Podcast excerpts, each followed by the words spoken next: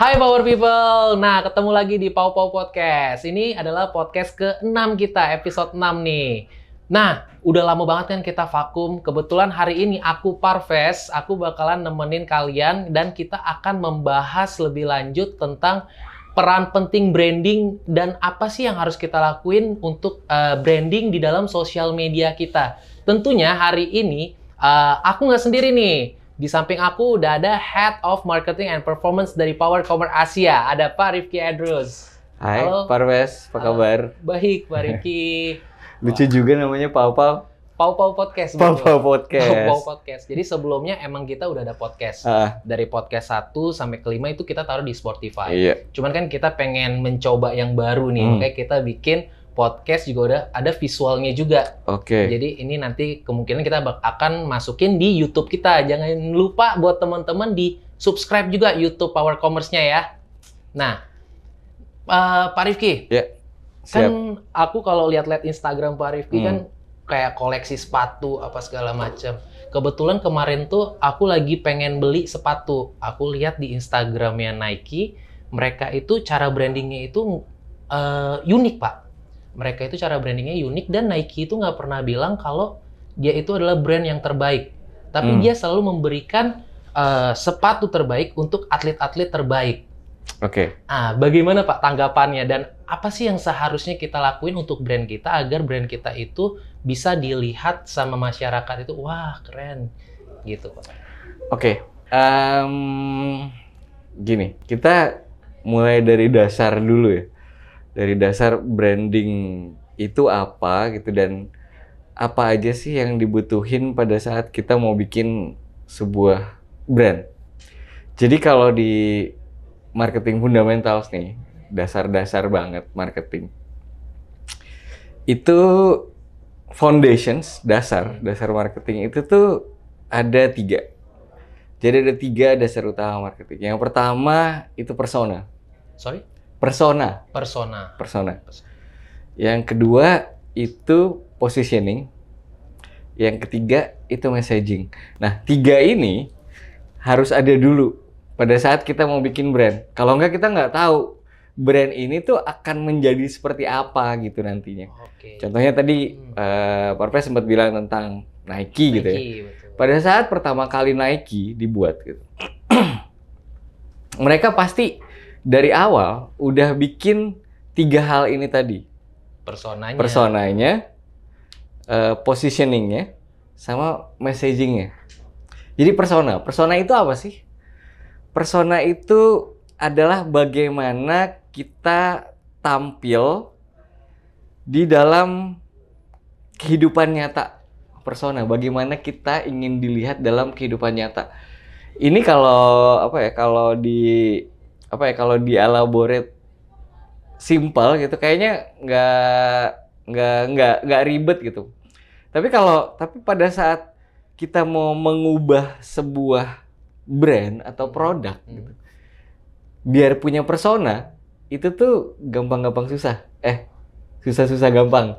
Jadi pada saat bikin sebuah brand, persona diolah dulu. Kamu pengen brand kamu, barang kamu itu kalau ditransform jadi manusia kayak gimana sih? Oke. Nah manusia itu kan unik, banyak gitu, banyak Betul. modelnya, banyak eh, kelihatannya gitu. Nah pengen seperti apa kalau dijadiin manusia? Itu baru tampilan fisik ya, belum eh, tampilan imajinatif. Misalnya pada saat pengen produk fisiknya oke gitu, Hmm. Tapi kan ada juga pembawaannya kayak gimana, cara dia berjalannya seperti apa. Oke. Nah, itu tuh persona tuh. Jadi pada saat Jereng tampil sebuah brand, apa yang orang anggap terhadap sebuah brand itu gitu.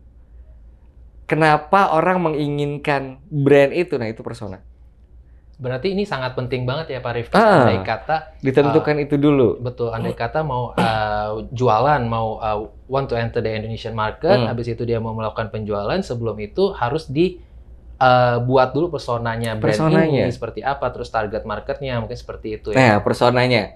Nah, habis itu kan yang kedua tadi positioning. Positioning. Positioning itu berada di posisi mana sih dia di masyarakat? Say misalnya gitu ya. Kalau sama, kita mentransform sebuah brand, produk, benda apa pun itu menjadi manusia. Dia posisinya di mana sih di dalam masyarakat? Posisinya eh, di atas kah? Di menengah kah? Atau untuk kalangan bawah kah? Oke. Tampilannya seperti apa? Hmm. Kalau pengen perso kalau pengen positioningnya ada di atas gitu kan. Artinya barang yang dibuat itu harus kan tadi udah kita bikin Hmm. persona kan gitu ya. Hmm. Kemudian dari persona kelihatan tuh posisinya di Posisi. mana. Dengan tampilan seperti ini, dia cocoknya ada di posisi mana. Nah, itu tadi. Jadi habis bikin persona dapat eh, positioning. Positioning itu ada di posisi mana di dalam eh, di dalam masyarakat nih gitu. Hmm. Dapat dikonsumsi oleh kalangan mana? Oke, untuk menentukan eh, harga selain dari pesona itu Hmm. bisa dilakuin kayak misalkan ngikutin kompetitor atau gimana gitu bisa gak sih? Pak? Bisa. Nah, itu kan pada saat kita bikin persona, pada saat kita menentukan positioning, kita kan juga ngelihat dulu si benda yang kita buat ini, baik itu brand ataupun produk ataupun benda apa pun itu gitu. Kita kan juga ngelihat untuk membuat ini untuk membuat ini dibutuhkan apa? Ini bisa apa ya? Bisa pada saat bendanya itu jadi udah ada dulu atau masih di awang-awang. Misalnya kita ambil sampel pada saat mau bikin brand gitu. Produknya belum ada tapi eh, tapi pengen bikin sesuatu. Hmm. Nah, bikin personanya dulu. Kalau pengen eh, kalau pengen personanya eh, high class gitu, valuable, artinya positioningnya berada di atas. Oke. Nah, untuk bikin sebuah produk berada di atas atau brand di atas, Hmm. tampilannya juga harus bagus artinya. Barang-barang yang untuk membuat si produk ini Yang juga harus bagus gitu gitu. Nah, itu sampel. Nah, tapi kadang-kadang barang-barang pembuatnya gitu tidak tidak harus sebagus itu. Nah, di situ fungsinya marketing untuk meningkatkan value dari barang itu. Oh, Karena anggapan orang, anggapan orang terhadap value barang itu adalah persepsi. Bagaimana cara eh, kita mendefinisikan sebuah produk? Bagaimana cara kita mem- memasarkan sebuah produk, sebuah brand agar dinilai orang punya efek tertentu? Apple, kalau dari sisi spek dibandingin sama kompetitor-kompetitor yang lainnya, hmm. speknya bahkan ada yang lebih tinggi betul. bahkan eh, ada yang lebih apa ya ada yang lebih bagus Hmm. buatannya Hmm. buatannya sama-sama di China kok Iya. ya kan sebagian sama-sama di sana gitu apa yang membedakan brand Apple lebih kelihatan Diminati. diminati dan lebih kelihatan high class marketingnya cara kita memasarkan si personanya yang kita buat ini tadi baik itu dari dari image yang kita buat dari gambar yang kita buat dari logo yang kita buat yang menggambarkan si produk ini punya nilai tertentu value-nya punya nilai Oke. tertentu walaupun si bahan pembuat produknya tidak seperti itu banget Hmm.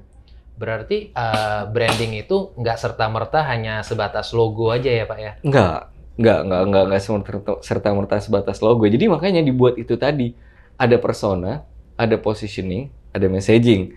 Tadi kita udah positioning. Hmm. Terakhir, message-nya. Pesan yang ingin disampaikan Hmm. itu apa? Pesannya nih. Kalau misalnya si brand ini ingin menyampaikan pesan apa sih yang ingin dia masyarakat atau orang konsumer gitu ya, konsumer atau orang yang ingin membeli produknya atau ingin mendapatkan produknya, eh, pesan yang disampaikannya apa? Jadi kalau misalnya nih gitu, contoh kita ambil Apple tadi ya, Hmm. messaging yang disampaikan gitu adalah karena dia udah menen- men- menentukan bahwa dia adalah high quality, posisi untuk barang atas gitu. Pada saat kita menyampaikan message-nya, peran pada saat kita apa pas oh, sorry, pada saat kita menyampaikan message-nya, pesannya pesannya ini tadi ya harus sama dengan persona sama posisinya dong. Oke, jadi Cara menyampaikannya tetap ha- harus kelihatan elegan. jadi sampai ke masyarakat juga. Jadi sampai ke masyarakatnya kesannya, kesan yang dicapai itu eh, kelihatan seperti perso persona, persona yang ingin dibangun. Tiga itu tadi itu adalah marketing fundamentals. Dasar dari marketing kalau kita ingin membuat atau memasarkan sebuah produk. Itu berarti include sama tagline-nya dia. Include, betul. Harus Include dipikirkan dulu. Uh-uh. Mungkin uh, dari Pak Rifki sendiri mungkin bisa bagi-bagi tips juga nih buat UMKM di uh, yang ada yang lagi nonton saat ini. Itu lebih baik tuh uh, fokus di branding dulu, di marketing dulu, atau fokus ke sales dulu, Pak? Hmm. Karena kan ini kan bisa juga kan kayak kita cuma cuman punya modal nih, modal kita nggak banyak nih. Hmm. Ah, kita bisa pakein gunain modal ini untuk fokus ke sales dulu penjualan. Nggak usah mikir marketing. Atau lebih bagus kita bangun dulu, dulu build dulu marketingnya biar uh, build awareness-nya orang udah tahu baru nanti sales mengikuti atau seperti apa Pak? Yang lebih baik itu seperti apa sih? Pak? Wah, ini lumayan kompleks pertanyaannya. Em, kalau dari aku pribadi ya, mungkin lebih ke objektifnya apa dulu? Objektif Ka- dari brandnya ini sendiri. Objektif kita mem- kita memasarkan produknya untuk apa sih? Objektifnya itu dulu. Saya misalnya, em, ah nggak terlalu penting marketing, Hmm. Pengen dapat salesnya terlebih dahulu, Oke. pengen dapat salesnya terlebih dahulu, biar ada budget buat marketing, ya nggak apa-apa. Ya nggak apa-apa juga. Jadi fokus ke sales dulu baru nanti. Iya, tergantung objektifnya. Kalau objektifnya adalah eh, hit and run, misalnya, oh oke produk gue yang penting habis, yang penting laku, nanti gue bikin produk yang lain, nanti gue bikin apa brand yang lain setelah itu, fokus ke sales nggak apa-apa, nggak masalah nggak ya. masalah. Tergantung. Tapi kalau pengen long lasting gitu, pengen diingat sebagai sesuatu, pengen eh, orang menganggap sesuatu, pengen top of mind, nah itu marketingnya terlebih dahulu. Jadi dilihat eh, objektif pembuatannya ini tuh untuk apa sih terlebih dahulu gitu pertama Hmm. kali. Pada saat bikin kan masing-masing orang berbeda ya. Eh, ada yang em, ya udahlah, yang penting ada yang beli gitu. Toh gue bikin ini harganya. Nggak terlalu apa nggak terlalu mahal juga, murah juga gitu orang eh, cuma iseng-iseng kok Hmm. gitu. Ya udah fokus ke sales aja gitu. Jadi fokus. Nggak apa-apa juga. ah, disebarkan, didistribusikan, ditaruh di tempat-tempat tempat-tempat penjualan dan ya udah berharap akan ada gitu yang yang yang tertarik ya udah ya udah bersaing bersaing dengan produk-produk yang sama gitu Cuman kan. butuh kalau misalkan let's say eh, aku nih punya brand nih, Hmm. aku eh, ke konveksi habis itu rencana pengen bikin clothing. Hmm. Untuk misalkan aku mau biar orang-orang aware dulu sama produk aku, berarti kan eh, kita ngomongnya marketing nih sekarang. Betul. Kalau misalkan eh, aku ingin memarketingkan biar orang-orang tahu brand aku ini, kira-kira butuh berapa lama Pak waktunya sampai bisa orang-orang tuh aware sama produk yang aku jual? Hmm, butuh berapa lama waktunya? Ada sebuah penelitian sih tentang itu. Em, jadi ada ada penelitian bahwa orang itu butuh tujuh kali melihat sebuah konten, sebuah materi gitu, untuk bisa mengingat. Butuh tujuh kali dalam waktu yang singkat. Dalam waktu yang singkat ini bisa satu, dua, atau tiga hari gitu ya. Jadi dia ngeliat tujuh kali. Pada saat pertama kali melihat, dia nggak akan sadar. Hmm. Itu akan lewat itu otaknya kita akan apa ya akan mengabaikan itu aja. Tapi begitu mulai terlihat dua kali sama yang ketiga, mulai merasa terganggu, terganggu dengan ini apaan sih gitu. Mulai. Ketiga keempat, ketiga apa ke sorry tadi satu dua tiga empat. Pada saat keempat itu eh, mulai bertanya, ini apaan sih? Ini apaan sih? Ini apaan sih? Gitu. Yang kelima itu dia mulai memilih, mencari tahu atau mengabaikannya begitu aja. Oke. Keenam, ketujuh dia bakal mencari. Nah jadi eh, ini apa ya? Ini ini em, sebuah penelitian tentang marketing. Berapa kali sih orang melihat sebuah materi atau konten untuk bisa diingat? Itu angka tujuh kali dalam waktu yang dekat. Nah pertanyaan tadi, berapa yang dibutuhkan untuk membuat eh, diingat gitu? Iya, betul. Nah, itu secara konstan dilakukan dalam setiap media dulu sebelum ada sebelum eranya digital seperti sekarang itu sesimpel em, naruh di koran, naruh di TV, Baliho. baliho gitu ya. Ngelewat beberapa kali, misalnya kita ngelewatin jalan itu beberapa kali gitu. Setelah kita ngelewat 5 sampai 7 kali, kita notice deh. Apalagi itu cukup besar gitu. ya. Hmm. Ini apaan sih? Nah, itu buat diingat pertama kali. Nah, set- eh, kalau itu kita punya kepentingan, kalau orang yang melihat itu punya kepentingan terhadap si brand atau produk atau benda yang dipasarkan ini tadi yang ada dia lihat, dia akan nyari. Kalau dulu nyarinya langsung ke toko, kalau sekarang dia googling. Pakai mesin mencari. Betul, betul banget. Gitu. Jadi berapa kali itu tergantung, tapi scientificnya tujuh kali dalam waktu yang dekat. Oke. Eh, tadi kan ka- agak susah nih, misalkan saya udah punya brand nih, Hmm. cuman brand saya ini mesti belum nyentuh-nyentuh angka penjualan terus nih, saya pengen rebranding. Emang Hmm. sesusah apa sih nge-rebranding suatu brand yang udah lama nih, biar bisa jadi image-nya tuh brandnya brand baru gitu. Oke. Pernah bikin rumah nggak, Marves? Belum, belum, pernah. Oke. Bikin rumah itu bikin rumah dari dari nol gitu ya. Itu lebih murah daripada nge-redesign rumah Oke. eh, rumah apa ya rumah yang lama baru di baru.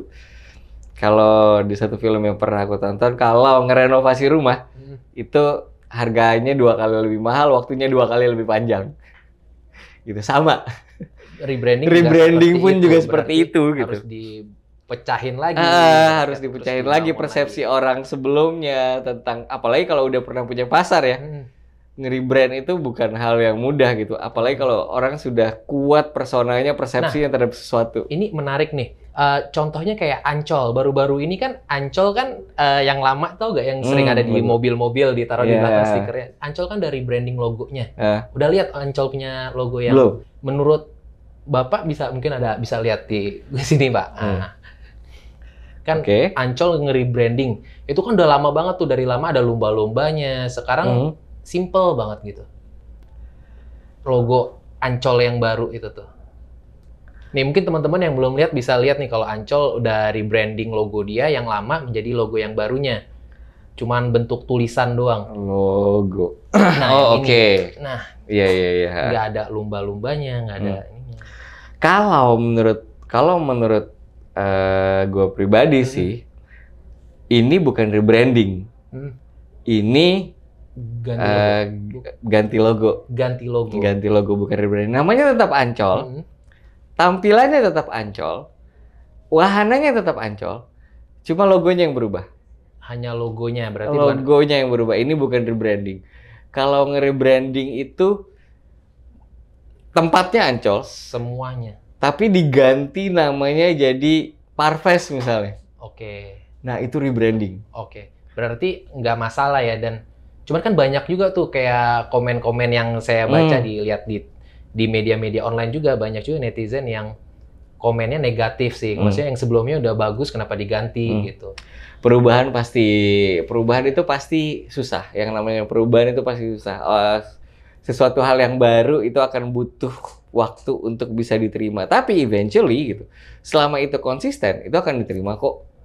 Tapi Gitu. kalau kayak untuk orang gitu kayak saya gitu, perlu gak sih Pak? Eh, saya kan dulu sempat ya public figure Iya. ya kan. Eh, personal branding itu perlu nggak? Apalagi misalkan untuk CEO, apakah itu perlu eh, seorang CEO membuat personal branding dia sendiri? Oh perlu banget. Kalau gue pribadi itu perlu banget. Kenapa? Karena apa ya pimpinan perusahaan itu adalah orang yang orang yang dikenal gitu, yang akan menjadi nakoda di perusahaannya dia, di kapal perusahaannya dia. Kalau gue pribadi banyak beberapa banyak CEO yang ah nggak butuh, gue cuma pengen di balik layar Oke. gitu kan ada yang seperti itu Tahu, gitu kan. tahu. Gitu. Tapi personal branding gitu, eventually akan butuh. Kenapa? Itu akan membantu dirinya dia maupun brandnya untuk bisa dikenal lebih banyak, untuk bisa dikenal lebih jauh. Contoh, em nggak usah jauh-jauh deh Hmm. antara Parves sama Rifki gitu ya. Hmm, hmm. Pada saat orang googling, ini siapa sih Parves? Hmm. googling, googling Parves Goman keluar tuh kan yang apa yang di sinetron, yang di film segala macam gitu kan. Oh ini tuh Parves, kayaknya gue pernah ngeliat ya gitu. Hmm. Nah kemudian brand-brand yang ngajakin Parves untuk eh, berkolaborasi biasanya berhubungan dengan personal brandingnya Parves. Jadi orang lebih trust lagi ya karena Betul lagi karena ada gitu tampil. from the people they trust. Betul. Rifki Hmm. pada saat orang googling Rifki Edrus gitu keluar oh dia marketing di sini di sini pernah di sini pernah di sini Hmm. gitu nah itu akan menimbulkan kepercayaan terhadap kualitinya maupun brand yang dia miliki. Ah, betul ya, maupun brand yang yang dia miliki. itu eh, trust gitu ya. Jadi bisa aja apa ya bisa aja kualitas dari Rifki atau kualitas dari Parves belum diketahui orang. Tapi karena personal brandingnya bagus orang percaya. Dan mau mencoba untuk itu. Betul. Berarti buat teman-teman juga nih yang punya usaha, mungkin usaha menengah UMKM, Hmm. bisa juga build personal brandingnya dia juga sebagai seorang apa eh, iya pem- eh, Pengusaha pengusaha gitu. Hmm, atau seorang entrepreneur Betul, gitu. Atau betul. seorang konten kreator gitu. Ingin dikenal sebagai apa sih gitu. Tidak harus relate kok dengan perusahaannya. Nggak harus, nggak harus relate. yang penting bahwa dia punya capa- eh, bisa menunjukkan capability yang cukup untuk bisa merepresent dirinya Hmm. sendiri. Kadang-kadang ada beberapa pemilik perusahaan atau CEO yang gue tahu gitu ya. Itu em, dia dikenal personal brandingnya bukan sebagai pengusaha. Bukan dari pengu- bukan bukan sebagai pengusaha. betul. Teman-temannya Parwes juga banyak kan Iya, yang iya, seperti betul, itu gitu. betul. Em, memiliki perusahaan punya perusahaan A B C gitu tapi dikenal sebagai eh, public figure. Betul. ada yang seperti itu Ada gitu. juga. Percaya atau enggak nah ini yang membuat kontradiksi gitu kan Hmm. kok dia disuruh pegang brand ini kan dia nggak punya pengalaman kan dia kayak kayak gitu Ya, kan gitu. karena cuman dia udah punya nama. betul nah itu personal itu di situ personal branding masuk gitu. dikenal sebagai apa dan akan dianggap sebagai apa itu akan berdampak terhadap brandnya Oke. Eh, mungkin ada juga nih Pak Rifki yang eh, dia udah marketing, udah Hmm. jalanin marketingnya, terus budgetnya udah ba- lumayan ada lah, Hmm. marketingnya udah oke, tapi kok salesnya, penjualannya masih belum menyentuh target Hmm. gitu. Apa sih biasanya kesalahan-kesalahan UMKM gitu yang apalagi kalau orang-orang yang Hmm. masih baru dan baru mengenal dunia digital marketing, biasanya apa aja sih kesalahan-kesalahannya dan apa tipsnya dari Pak Rifki? Kalau kalau gue pribadi sih kan gue orang data ya digital marketing itu tuh uh, highly measurable, Em, ada ukurannya gitu ya.